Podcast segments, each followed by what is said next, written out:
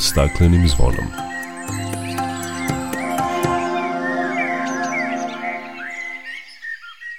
Dragi slušalci, ljubitelji i čuvari prirode, dobro jutro. Ja sam Milijana Kočić i u narednom satu vodit ću vas kroz najaktuelnija dešavanja iz oblasti ekologije i zaštite životne sredine. Pokrenut ćemo neka važna pitanja i predstaviti zanimljive ideje ekoloških aktivista. U ovom izdanju emisije, pored ostalog, čućete koje aktivnosti su obeležile Evropsku zelenu nedelju i kako su deca obeležila Svetski dan zaštite životne sredine. Saznaćete ko su ovogodišnji dobitnici zelenog i crnog lista zagađivača. Čućete o čemu sve treba da vodite računa kada idete na planinarenje, kako ne biste došli u opasnost. A pokrenut ćemo i temu odgovornog vlasništva nad kućnim ljubimcima. Ostanite na zelenom talosu Radio Novog Sada, jer odmah posle naše pozdravne pesme slede najavljene teme. Dok priroda kraj nas plače Za vladarskim svojim tronom Tužno vele narikače Pod staklenim smo zvonom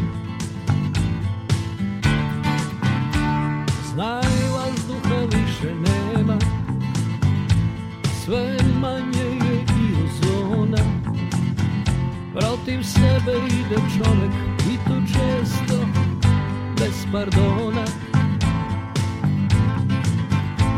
Uništenju živog sveta Kao da su ljudi skloni. Čovek sam je sebi meta Zbog njega ovo zvono zvoni. Uništenju živog sveta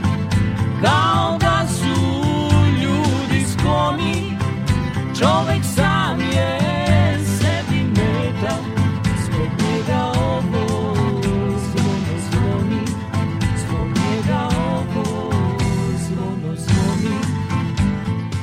U okviru Evropske zelene nedelje na Kalemegdanu je otvoren sajam zelenih ideja, projekata i inovacija, a do 11. juna će na 20 lokacija u zemlji biti predstavljene najbolje realizovane ideje koje su u vezi sa zelenom transformacijom srpske privrede i društva. Događaj organizuju naše resorno ministarstvo i partneri iz Evropske unije, a povodom 5. juna Svetskog dana zaštite životne sredine ukazali su na pozitivne pomake koje je Srbija napravila uz njihovu podršku, ali i na buduće korake.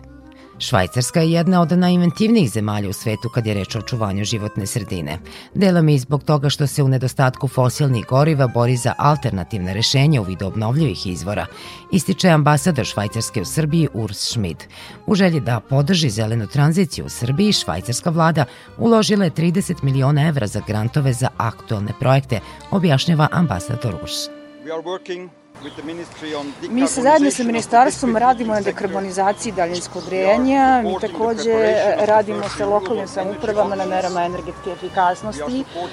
Pored toga želimo da radimo na zelenoj agendi na svih njenih pet stubova kao i na merama za kontrolisanje rizika od katastrofa. Srbija kao kandidat za članstvo u Uniji i njen značajan partner ima punu podršku u zelenoj tranziciji, jer samo zajedno se može postići cilj, karbonski neutralna Evropa. Istakao je na otvaranju Evropske zelene nedelje šef delegacije Evropske unije u Srbiji Emanuel Giofre.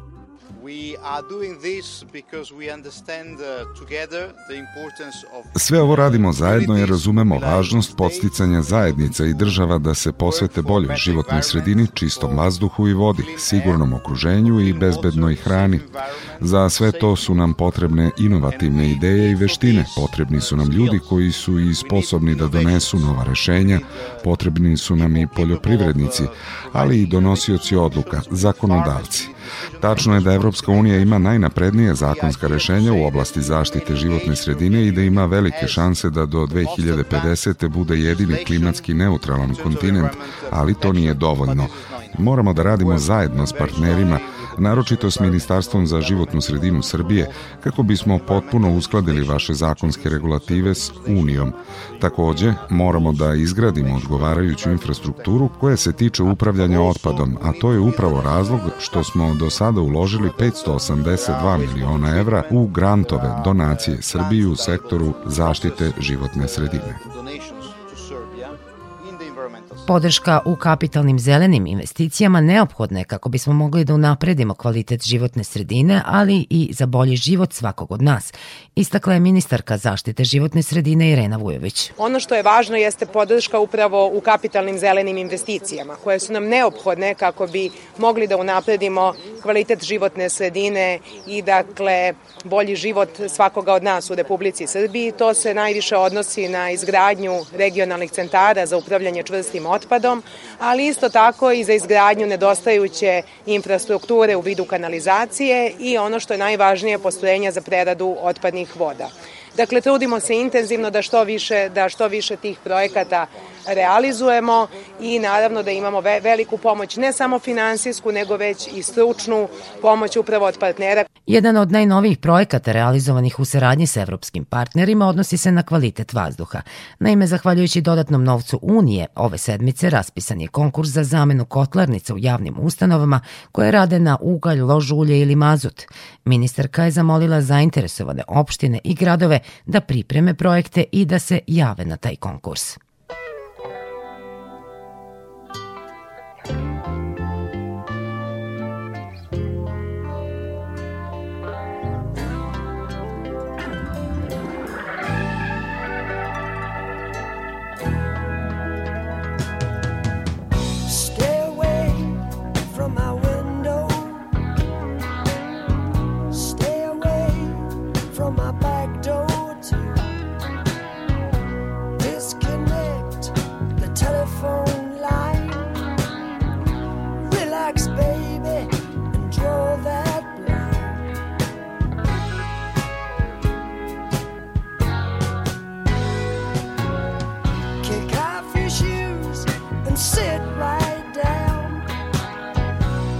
person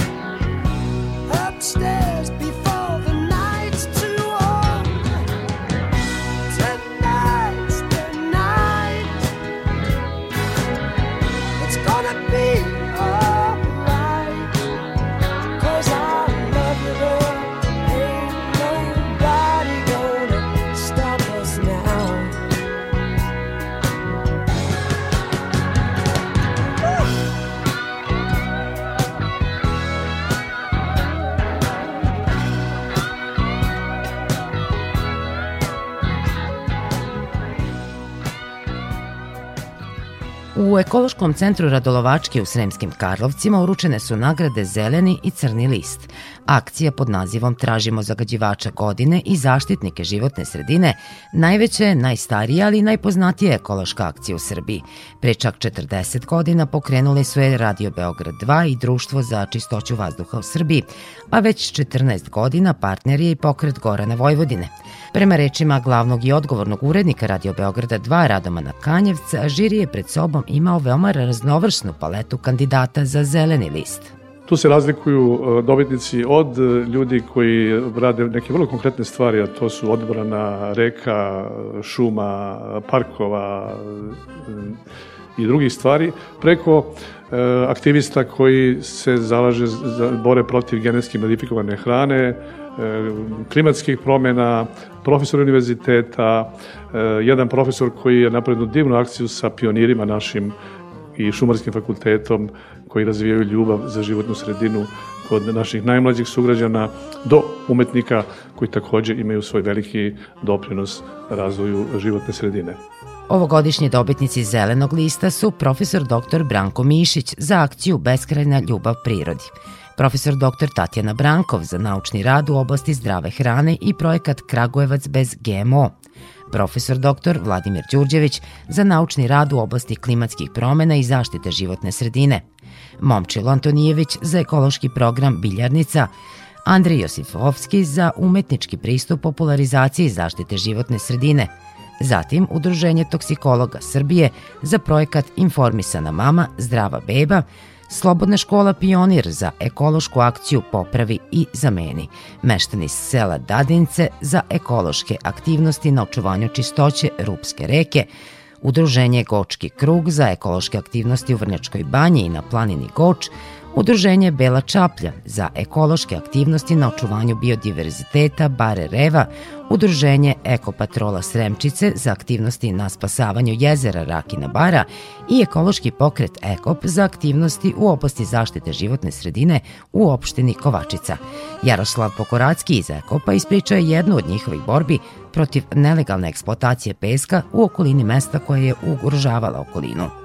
Ekološki pokret inače ove godine obeležava 10 godina od svog osnivanja. Ovih 10 godina imali smo raznih prelepih trenutaka, ali je bilo i ovih manje lepih kao što ste ispomenuli. Ta borba e, nije bila ni malo laka. E, obraćali smo se naravno i nadležnim institucijama i inspekcijama, ali jednostavno je došlo do toga da smo bili i takva je poruka je poslata da bi to najbolje bilo da padinci, u stvari građani i ekološki pokret to najbolje reše sami što se tiče rudnika peska. Pa smo se tako i aktivirali, organizovali smo zbor građana, organizovali smo peticiju gde smo dobili više od 55% punoletnih građana koji su podržali našu borbu, angažovali smo pravni tim, morali smo da vršimo pritiske na državne pokrajinske institucije da bi naložili investitor u stvari, naterali smo ih da da moraju da rade studiju uticaju rudnika na životnu sredinu. Sama prezentacija studije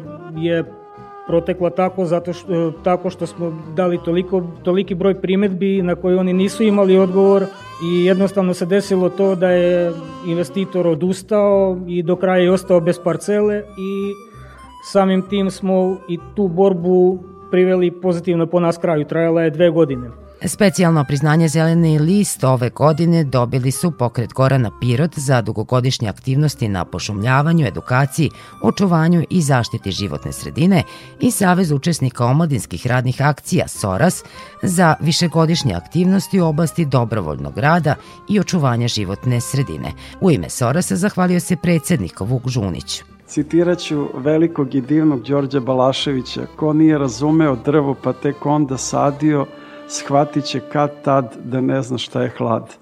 A to je u osnovi odnosa našeg saveza i svih udruženja akcijaša u svim našim akcijama i aktivnostima prema mladima i najmlađima. Da shvate važnost tog divnog čina da zasade jedno drvo i jedan cvet. I naše akcije imaju tu dimenziju. Drvo i cvet za lepši svet i drvo i hlad za svakog čoveka na ovoj planeti.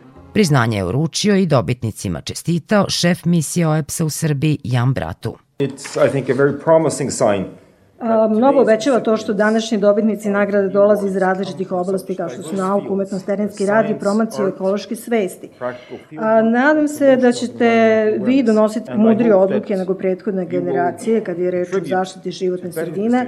Znam da svi volite Srbiju, želite najbolje za nju i najbolje za životnu okolinu i u Srbiji i na ovoj našoj planeti. Dakle, u tom cilju se nadam da ćemo svi zajedno sarađivati na daljoj promociji zaštite životne sredine. So, congratulations to all the Čestitam svim nagrađenima zelenim listom na trudu u zaštiti životne sredine i njihovim naporima koji su uložili u to, a kad je reč o crnom listu, pa nadam se da će biti bolje u budućnosti.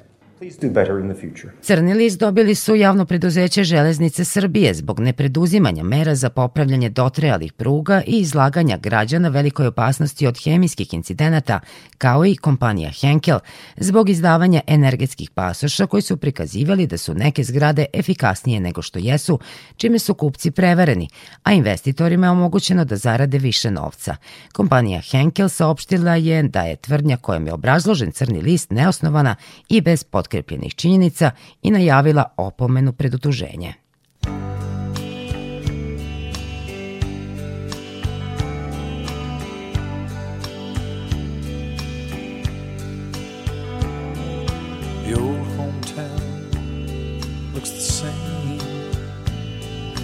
Step down from the train and there to meet me is my mama Papa and down the road I look and there runs Mary hair of gold and lips like cherries. It's good to touch the green green grass of home. Yes they are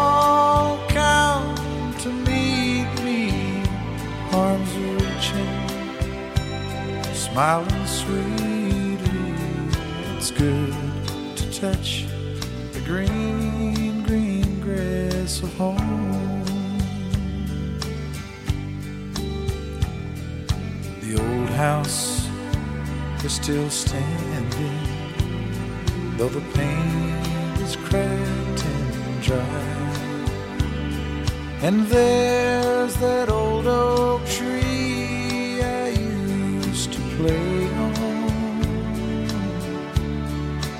Down the lane I walk with my sweet Mary, hair of gold and lips like cherries. It's good to touch the green, green grass of home. Yes, they all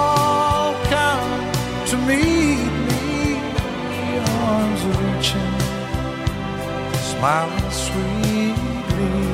It's good to touch the green, green grass of home.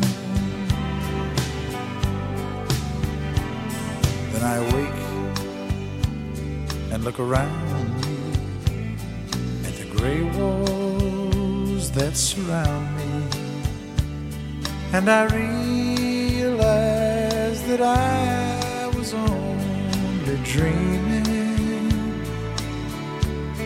For there's a garden, there's a sad old padre, arm in arm we'll walk at daybreak again. I'll touch the green, green grass of home. Yes, they all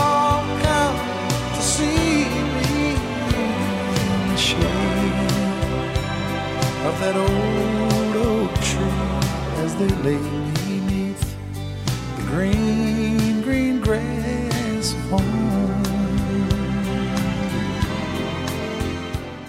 Pokrajinska vlada, Nacionalni park Fruška Gora i Naftna industrija Srbije organizovali su povodom Svetskog dana zaštite životne sredine akciju uklanjanja otpada i uređenja Fruške Gore, najstarijeg nacionalnog parka u Srbiji, a akciju su nazvali Radni dan za prirodu. Učestvovalo je više od 200 volontera koji su očistili deo oko Rakovačkog potoka i potez od Zmajevca prema Iriškom vencu, sakupivši više kamiona smeća. Predsednik pokrajinske vlade Igor Mirović najavio je da će do kraja godine biti unapređena turistička infrastruktura na više lokacija. Očekujemo nove klupe, više od 100 kompleta klupa na Fruškoj gori. Ove godine očekujemo novi vizitorski centar za posmatranje bizona koje smo dobili u međunarodnoj razmeni iz Poljske. Ove godine očekujemo početak radova na izgradnji novog turističkog infocentra na Iriškom vencu. Ove godine očekujemo da osim prve stanice za napajanje električnih bicikala postavimo još četiri stanice, od, sve od e, Letenke pa do Iriškog venca, odnosno do praktično spomenika Slobode.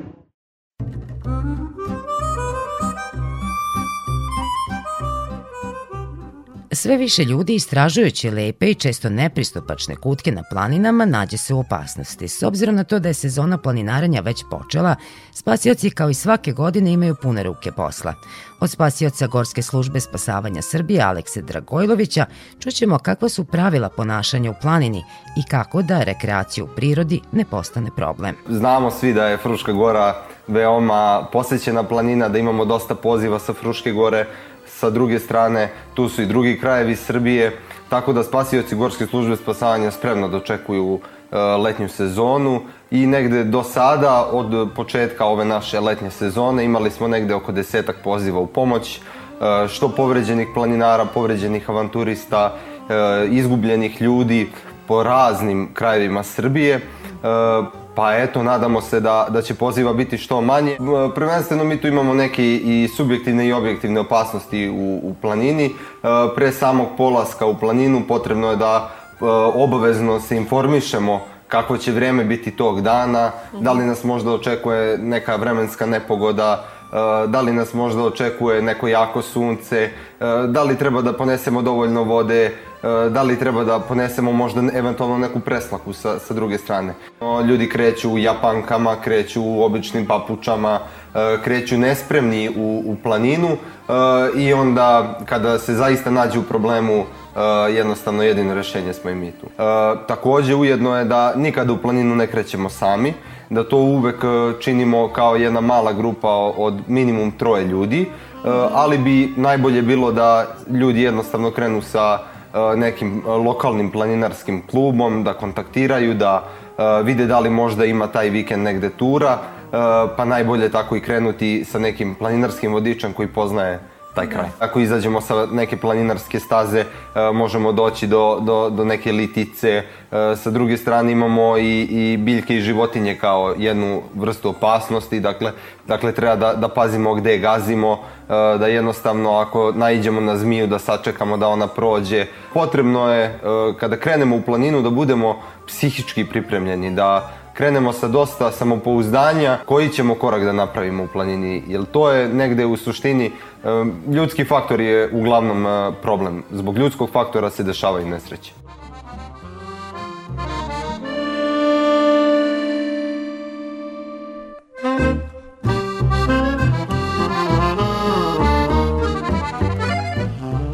U Dunavskom parku u Novom Sadu upriličena je izložba fotografija novosadskih parkova, te javni čas i kviz za učenike osnovnih škola, a gradska uprava Novog Sada najavila je izgradnju novih parkova. Opširnije Davorka Jelena Draško. U urbanim sredinama parkovi postaju sve važniji za svakodnevni život, utiču na smanjenje zagađenja širokog spektra i ublažavaju posledice klimatskih promena, podsjetio gradonačelnik Novog Sada Milan Đurić, te je najavio izgradnju novih parkova. Ostaje nam sada da Liman 4 duž Narodnog fronta i ulice Banović Strahinje, te je mesna zajednica, da i tu površinu koja je nekada bila predviđena za Poresku upravu, pomenuli smo plan da uredimo u parkovsku površinu očekuje nas takođe i uređenje parkovske površine kod ovo Spensa, gde je nekad Dino park bio. Očekuje nas i završetak projektovanja univerzitetskog parka. Ja nadam da ćemo početkom naredne godine krenuti da radimo takođe i taj park. Nadam se da ćemo i tu gde je Kvantaš, da ćemo i u toj u toj parkovskoj površini, da ćemo malo sadvažiti, posaditi i malo veća stabla. Zelenilo je, mislim, prošle nedelje stigla i mašina koja može napokon da presađuje stabla koje su do 10 metara visine. Naši najmlađi sugrađani iz osnovne škole Đuro Daničić već su naučili da su parkovi pluća grada i znaju kako da čuvaju sredinu u kojoj žive. E, skupljamo smeće i bacamo u kante. E, tako što ne bacamo smeće po prirodi. Da, ovaj, stavljamo u kante za recikliranje. U zaštiti okoline i vazduha od zagađenja sve važniju ulogu ima i solarna energija. Članica Gradskog veća za zaštitu životne sredine Mira Radenović kaže da je isplativost postavljanja solarnih panela neupitna. Međutim, razume da je visina ulaganja ograničavajuća okolnost za pojedince koji žele da ih instaliraju na krovove svojih kuća. Upravo zbog nedovoljnog broja prijavljenih, kaže ona, rok za prijavu građana na konkurs za dobijanje novca za postavljanje solarnih panela pomeran je tri puta bez obzira kolika je subvencija države, odnosno e, u ovom slučaju grada Novog Sada, odnosno ona je do 50%, to je negde oko 400.000 dinara. Vrednost investicije za solarne panele sigurno je oko 800.000 do milion, tako da je to e, jedna velika, velika investicija za svakog građana pojedinačno i mislim da je to jedan od razloga zbog čega su građani manje zainteresovani za ovu meru. E, svakako smatram da je to izuzetno važno i da bi trebali da nađemo način da, ovaj, da građane zainteresujemo, možda čak i da predložimo neku veću subvenciju, odnosno da ta subvencija bude veća od 50%. Novosađani su poznati po tome što i grad i svoje zdravlje štite vozeći bicikle. Gradonačelnik Milan Đurić kaže da će sredinom meseca biti razmatrane nove subvencije za bicikle.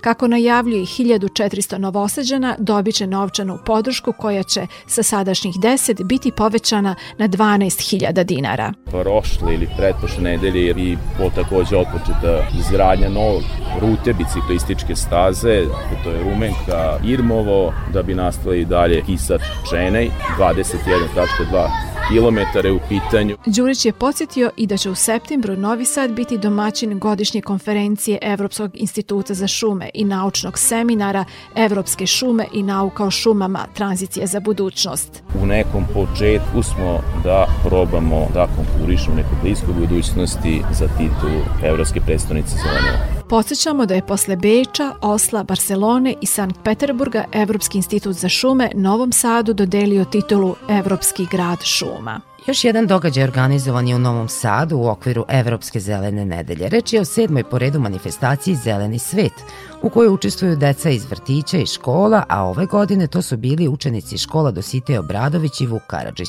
Jedan od zadataka bio je da deca pronađu sedam biljaka i da opišu mesta na kojima su ih pronašli. Evo njihovih utisaka.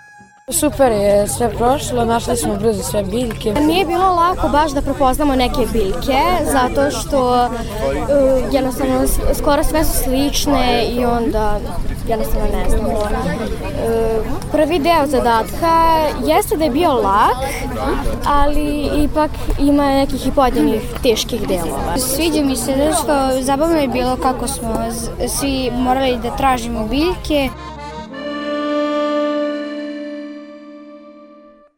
Povodom Svetskog dana zaštite životne sredine osnovci iz kikinskih gradskih i seoskih škola takmičili su se u ekokvizu.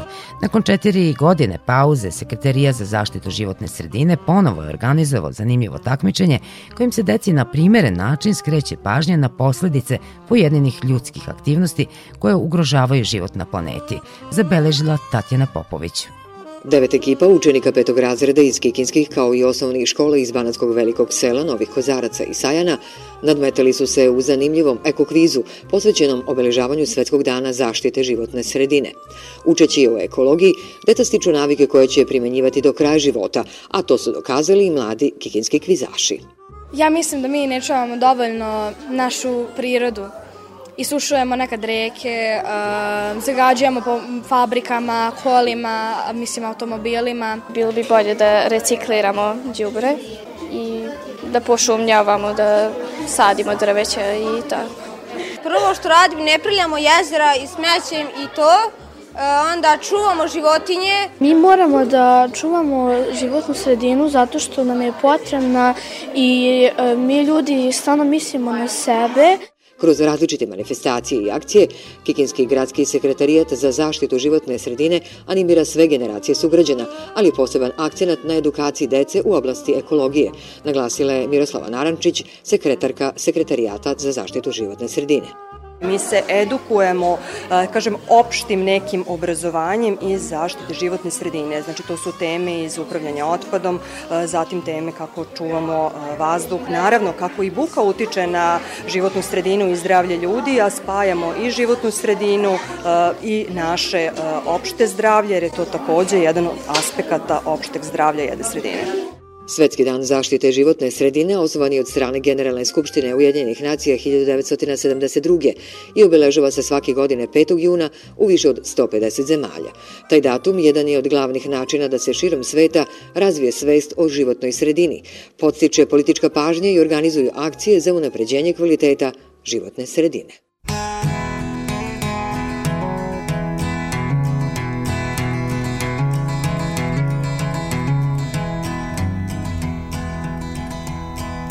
Yellow is the color of my true love's here in the morning. When we rise. In the morning. When we rise, that's the time, that's the time. I love the best. Blue's the color of the sky. The morning when we rise in the morning. When we rise that's the time that's the time. I love the best. Green's the color of the sparkling corn in the morning. When we rise in the morning. When we rise that's the time, that's the time I love the best. Mellow is the feeling that I get when I see her. Mm-hmm. When I see her, uh huh. That's the time, that's the time I love the best.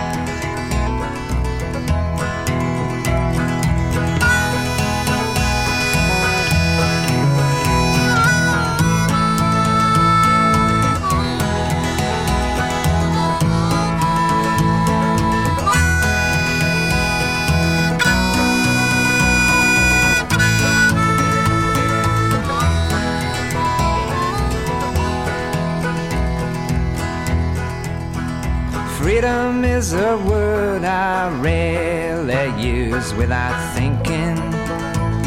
Mm-hmm. Without thinking. Mm-hmm. Of the time, of the time when I've been low.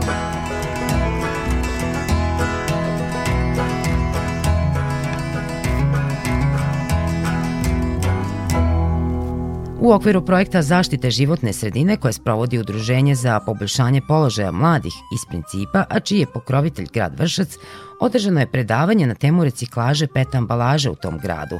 Jedan od predavača, master analitičar zaštite životne sredine, Mario Opričić, objasnio nam je zašto je edukacija na tu temu važna i šta je u njihovom gradu do sada preduzeto kad je reč o reciklaži.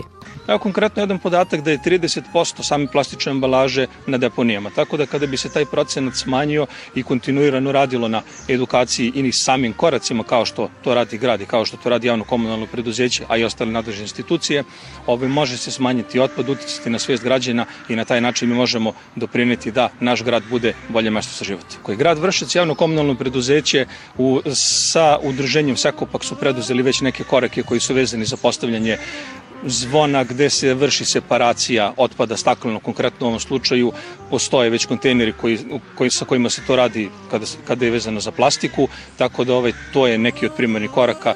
A, podeljeni su takođe i a, kante za smeće koje se nalaze u dva trenutno naselja u samom vršcu i tako da će se taj projekat proširiti na ceo grad. Obilne padavine koje su ovih sedmica zahvatile mnoge predele naše zemlje još jednom su ukazale na to da postoji problem urbanih poplava i zagađenja vode. Usled nedovoljno kapaciteta slivnika i kanalizacionih cevi da evakuišu padavine u celosti, atmosferska voda se zadržava u gradovima.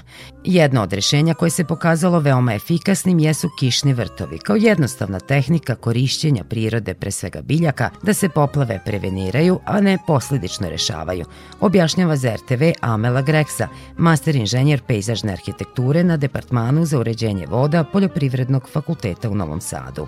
Kišni vrtovi su negde inspiraciju našli u prirodi, kako to zapravo funkcioniše. Dakle, sva ta količina vode koja padne, ona se negde prirodno infiltrira, jedan deo, da kažem, transpiriše, odnosno da putem evapotranspiracije odlazi u atmosferu dalje. Tako da kišni vrtovi imaju tu ulogu da zapravo jedan deo prirode prenesu u urbane površine i da zapravo taj, e, tu količinu vode koje, da kažem, sistem kanalizacije ne može da primi, da zapravo potpomognu, a negde čak i zamene e, ulogu slivnika, da svu tu vodu, dakle, prime. Naša sagovornica napominje da se za izgradnju kišnih vrtova koriste otporne biljke. Postoji, da kažem, određen odabir e, biljnog materijala, da se tako izrazim, e, koji zapravo može prvenstveno da, da opstane u tim uslovima. Jer mi u kišnom vrtu imamo, e, da kažem, jedan period gde zapravo se tu na površini zadržava u nekom vremenskom periodu voda, zapravo privremeno neko jezerce, a onda nastane, da kažem, period neke suše. Tako da to su dosta stresni uslovi i u tom smislu se bira neka vegetacija koja zapravo može da opstane u takvim uslovima. Uglavnom se čak bira neka autohte, autohtene vrste, uh, jer se smatra da one imaju zapravo mnogo veći prag tolerancije na takve uslove, pogotovo ako potiču iz nekog tog podneblja gde zapravo pravimo kišni vrt. Mnogo su otpornije, da tako kažem, i naravno morfološke karakteristike prvenstveno koje se odnose na, na neke karakteristike kao što su dubok, e, ekstenzivan koranov sistem koji isto ima veliku ulogu u samoj infiltraciji te vode, a i u zadržavanju nekih zagađivača, obzirom da atmosferska voda takođe je i zagađena voda, pošto teče tim nepropusnim površinama putevi saobraćajnice. Treba izbjegavati neke invazivne vrste koje se, da kažem, jako brzo šire, Uglavnom se tu e, biraju neke, e, kako mi kažemo, ukrasne trave. Ove, to su neke biljke koje su, da kažem, najbolje pokazale.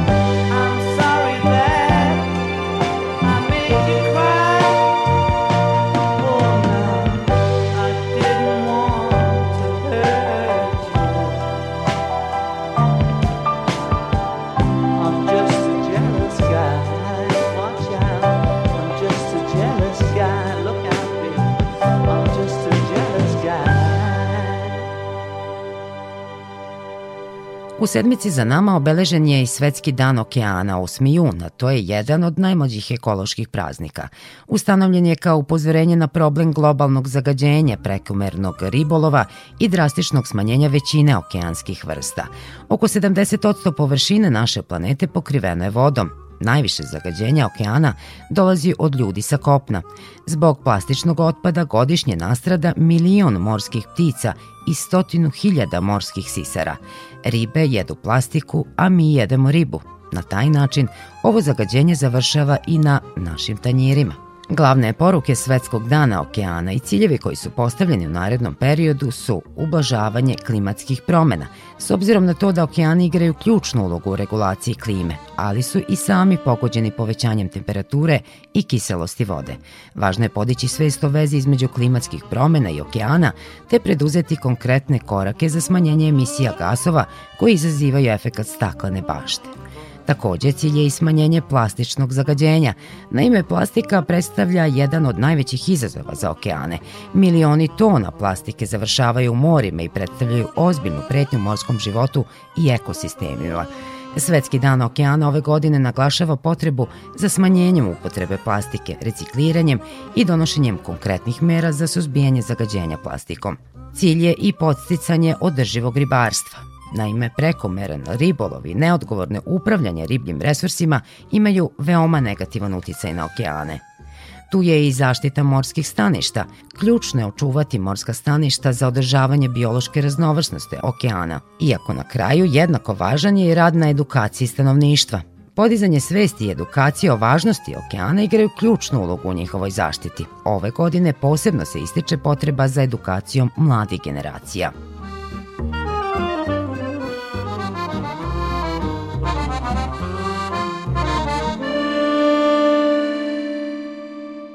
Tradicionalna manifestacija Dani Taraških roda održava se za vikend u centru Taraša. Ovo mesto je 2015. proglašeno za evropsko selo roda, a prva roda je u to mesto ove godine stigla ranije nego što je uobičajeno. Mužijak kojeg su meštani nazvali Prvoje. Šta posetioce očekuje na manifestaciji, saznala je Eleonora Horvat u razgovoru sa Aleksandrom Cucić-Marovac iz Udruženja Taraške rode. Zahvaljujući podršci grada Zrenjanina, mesne zajednice Taraš, naše lokalne osnovne škole Svetozar Marković Doza, uspećemo da organizujemo deveti put za redom manifestaciju Dani Taraških roda. Dan nam počinje tako što će u 10 sati početi pesnički višeboj. Tu se takmiče deca iz okolnih škola osnovnih. Inače, simbolična nagrada je zlatno, srebrno i brozano prvojevo pero. Inače, mi sakupljamo tako ta rodina pera koje skupimo i onda ih tako lepo da kažemo obojimo u te neke boje i to bude baš onako njima zanimljiva nagrada. Zatim imamo uh, likovnu koloniju tradicionalno, tu nam učestvuju slikari iz Zrenjanina naravno, iz Bečeja i iz Borče i okoline. Nakon toga će jedan poznati slikar Nenad Stojkov iz Borče oslikavati mural u školskom dvorištu sa, sa decom koje budu zainteresovana. Prepodne isto usmereno na edukaciju dece, tako da deca koja dolaze u Taraš imaće priliku da odu do eko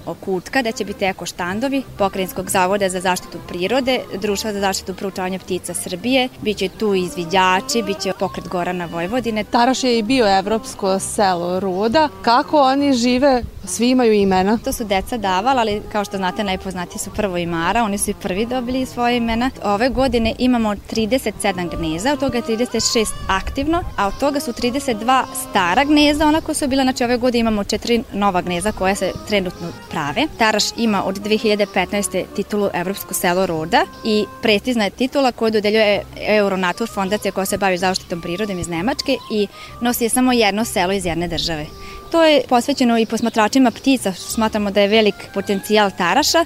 Tu su uh, velik udeo dali Društvo zaštite pročavanja ptica Srbije, jer oni su, da kažemo, baš stručni u tom delu i na osmatračici imate tablu na kojoj možete vidjeti neke specifične ptice koje su redke, a mogu se videti u tarašu. Trudimo se da naučimo decu da uvide značaj onoga što ima, jer to nije tako svakodnevno. Hvala vam puno na ovom razgovoru.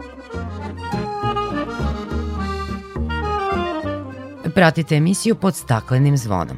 Socijalna otuđenost, pored svega, donosi sa sobom još jedan fenomen, a to je sve veći broj kućnih ljubimaca, posebno u urbanim sredinama. Savremeni brz tempo života kao deo svakodnevice približava nam i temu odgovornog vlasništva. Humano je i lepo imati psa ili nekog drugog ljubimca, ali samo ako ispunjavamo sve uslove koje sa sobom nosi vlasništvo – Odgovorno vlasništvo pre svega podrazumeva redovno izvođenje radi obavljanja fizioloških potreba ili redovnu šetnju za održavanje kondicije i zdravlja vašeg ljubimca. Podrazumeva se da počistite izmet za vašim ljubimcem kao i šetnja na povodcu. Redovna i obavezna vakcinacija i zaštita od parazita, na primer. Nažalost, u praksi ljubimci često ostaju zanemareni, napušteni pa i zlostavljani, čak i označeni kao glavni krivci prljanja parkova i travnjaka u gradu, zabeležio Vlado Matijević. Koji su preduslovi za odgovorno vlasništvo iz perspektive dugogodišnjeg iskustva vlasnice veterinarske apoteke i pet shopa čućemo od Maje Vasić. Prvo i osnovno što bi trebalo svaki kupac šteneta ili usvajalac ili udomitelj, kako god želite, da obrati pažnju je na neke svoje potrebe i životne navike u klapanje neke određene rase u sistem njegovog života. Psa prilagođavate svojim sobstvenim navikama da vam ne bi to pravilo opterećenje osim izuzetnih situacija kada su u pitanju stariji ljudi koji uh, su izgubili socijalni kontakt i prosto im se nameće kupovina ili udomljavanje psa obično manje rase da bi lakše njime vladali E, zbog socijalnog kontakta, odnosno izlaska iz kuće. Za porodice sa malom decom ide jedan tip pasa, za porodice e, sa većom decom drugi tip e, rasa pasa. Jako je bitno u kakvim uslovima porodica ili pojedinac obitava, živi, da li je to stan, da li je to kuća sa dvorištem, da li je to iznajmljeni stan, princip i način života, da li taj čovek voli da putuje, da li radi po smenama, E, psa koji e, ima potrebu da se šeta 10-15 km dnevno i da ga držite zatvorenog u stanu. Takve životinje stradaju zdravstveno zbog nemogućnosti ispoljavanja svojih fizičkih navika, prosto genetskih predispozicija koje imaju. Kulturu življenja čini i gest kupljanja izmeta vašeg psa i odlaganje u kontejner. Nažalost, iako postoji vrlo jednostavan i higijenski praktičan metod za to, mnogi vlasnici to ne čine. Ne postoji izgovor za ovakvu vrstu neodgovornosti. Naša sagovornica o tome kaže. Velika većina kupaca kupuje kese s naznakom da kese koje kupuju budu biorazgradive. Znači kese s kojima se skuplja izmet, na, za te kese postoji držač i onda je to vrlo praktično. Jako važan moment da dođemo svesti da to treba da se radi i da ako već imate psa koji mora prosto da obavlja svoje fiziološke potrebe, da iza njega počistite. U našoj zemlji ne postoji ozbiljno e, shvaćena ta situacija. U nekim zemljama u inostranstvu čak obavezno nošenje plastičnih flaša sa vodom gde se zalije urin, znači mokraća, gde kučiće obeležavaju usput haustore, kafiće, saksije, stolice, prolaze, znači da iza svog psa to operu. Kod nas nismo došli jel, do te situacije, čak se ne izmet ne pokupi. E, kada ugazimo u izmet psa ili mačke koji su to obavili na ulici, unosimo potencijalne zarazne bolesti, potencijalne crevne parazite u svoj životni prostor. Znači, jako je važno voditi računa i o higijeni obuće kad dođete kući, ne samo o tome da li ste to pokupili iza sebe. Šta sa sobom nosi ovo nečinjenje i koje opasnosti mogu uslediti, razgovarali smo i sa veterinarom doktorom Bojanom Topalski. Iz ugla odgovornog vlasnika je jako važno da svi vlasnici kućnih ljubimaca u gradu pogotovo skupljaju ostatke za svojim ljubimcima i na taj način sprečavaju širenje na prvom mestu zaraznih bolesti kako za pse tako i za ljude, a s druge strane e, bilo bi korektno da skupljaju izmete za svojim kućnim ljubimcima taj način čuvaju životnu sredinu koju delimo zajedno sa životinjama. Mnoge bolesti mogu se preneti putem fecesa, odnosno izmeta kućnih ljubimaca, a opasnost čini i to što su neke od njih i takozvane zoonoze ili bolesti zarazne i za ljude. Dosta je širok spektar e, bolesti koje su vezane isključivo za životinje, u ovom slučaju to su psi i mačke. E, tu su prisutne kako bakterijske, tako i virusne bolesti, kao i protozoje, koje se vrlo lako šire na način kada ne skupljamo izmet za svojim kućnim ljubimcima. S druge strane, prisutne su i neke zoonoze. Mnoge virusne bolesti se prenose upravo izmetom psa, tako da preporučujemo obavezno skupljanje izmeta za svojim kućnim ljubimcima kako bi na taj način sprečili dalje širenje zaraznih bolesti. Tu su na prvom mestu parvovirus, odnosno mačija kuga, tu je prisutan takođe virus štenećaka, bez obzira što ljudi misle da je to bolest od koje kućni ljubimci obolevaju samo kada su mladi, čak naprotiv mogu da obole i kada su stariji. Tako da još jednom apelujem da skupljate ostatke za svojim kućnim ljubimcima. Koje su to parazitarne bolesti koje bi kao odgovorni vlasnici trebalo da predupredimo redovnom i adekvatnom zaštitom našeg ljubimca? Pa od parazitske bolesti e, koje se kreću u, u populaciji pasa u urbanoj sredini, to su e, karakteristično e, na prvom mestu endoparaziti, ali jako je bitna tu i populacija egzoparazita, na prvom mestu to su buve i krpelji koji takođe čine jedan deo lanca u prenošenju parazitarnih bolesti. Tako da treba vojiti računa i štititi kućne ljubimce kako od endo, tako i od egzoparazita s jedne strane. S druge strane, jako je bitno, pošto se nalazimo u području koje je izloženo velikom, velikom broju komaraca, a znamo da komarci prenose srčanog crva, tako da stalno, tokom cele godine, treba se zaštititi od ujeda komaraca, a samim time da se inficiraju sa srčanim crvom. Pa preporučujemo da se tokom cele godine stavlja zaštita na vaše kućne ljubimce, jer došlo je do na neki način izmene klime e, u ovoj regiji, tako da je temperatura i tokom zime ne ide nisko ispod nule, nego se uvijek održava u nekom opsegu od 0 do 12 stepeni, što pogoduje za krpelje da budu aktivni tokom cele godine. Odgovorno vlasništvo, osim pravilnog odabira rase i pola, podrazumeva da se psi koji nisu priplodni i ne idu dalje u reprodukciju, već su isključivo kućni ljubimci, mužjaci kastriraju, a ženke sterilišu. Zašto je to preporučljivo, objasnila je naša sagovornica Maja Vasić da napomenemo ljudima da uh, povedu računa, osim toga, koju su rasu kupili ili usvojili i o polu životinje. Jako je važno zbog temperamenta, zbog E, dominantnosti, kakvi su afiniteti koje rase i kog pola. E, sve to može da se predupredi prvo informisanjem pre samog uzimanja e, psa ili udomljavanja. Moja lična preporuka je da bez obzira kog pola bila životinja, što je vezano za karakter, jel, ženke su mnogo umilnije, mužjaci su dominantniji, da svaki odgovoran vlasnik koji ne namerava da bude odgajivač, znači podvlačim ne namerava, uradi sterilizaciju ili kastraciju svog psa. Koliko god to nama na Balkanu izvučalo jako strašno, da se nekom oduzima muškost, da on šta će on sada da bude, da se ženkama ulazi u stomak, jako bitan moment zdravstveni je to što uh, takvi psi kod kojih se ne obavi kastracija ili sterilizacija strada imunni sistem, imate između ostalog i vrlo neprijatne situacije do kojih može da vas dovede bez obzira kuja ili mužjak. Kod vaše kuje je neprijatno što vam ostavlja fleke po stanu, ali zato ostalih deset komšijskih mužjaka u to vreme ne spava, ne jede, popiški ceo stan, postaju agresivni, češu se, prosto hormoni im divljaju i nije samo vaša ženka kod vas kući problem. Pravite problem i svima ostalim. Eto, to je neka moja poruka da, da to nije ništa strašno, da je to mnogo zdravstveno bolje za vašeg ljubimca, a za vas mnogo psihički lakše. Poštovani slušalci, bilo je to sve što smo za vas pripremili u ovom izdanju emisije pod staklenim zvonom. Sa vama su bili ton majstor Jovan Gajić, muzički urednik Maja Tomas i urednik i voditelj emisije Milijana Kočić. Ovu emisiju možete slušati i odloženo na adresi rtv.rs. Do naredne nedelje u isto vreme želimo vam prijatne trenutke uz Radio Novi Sad.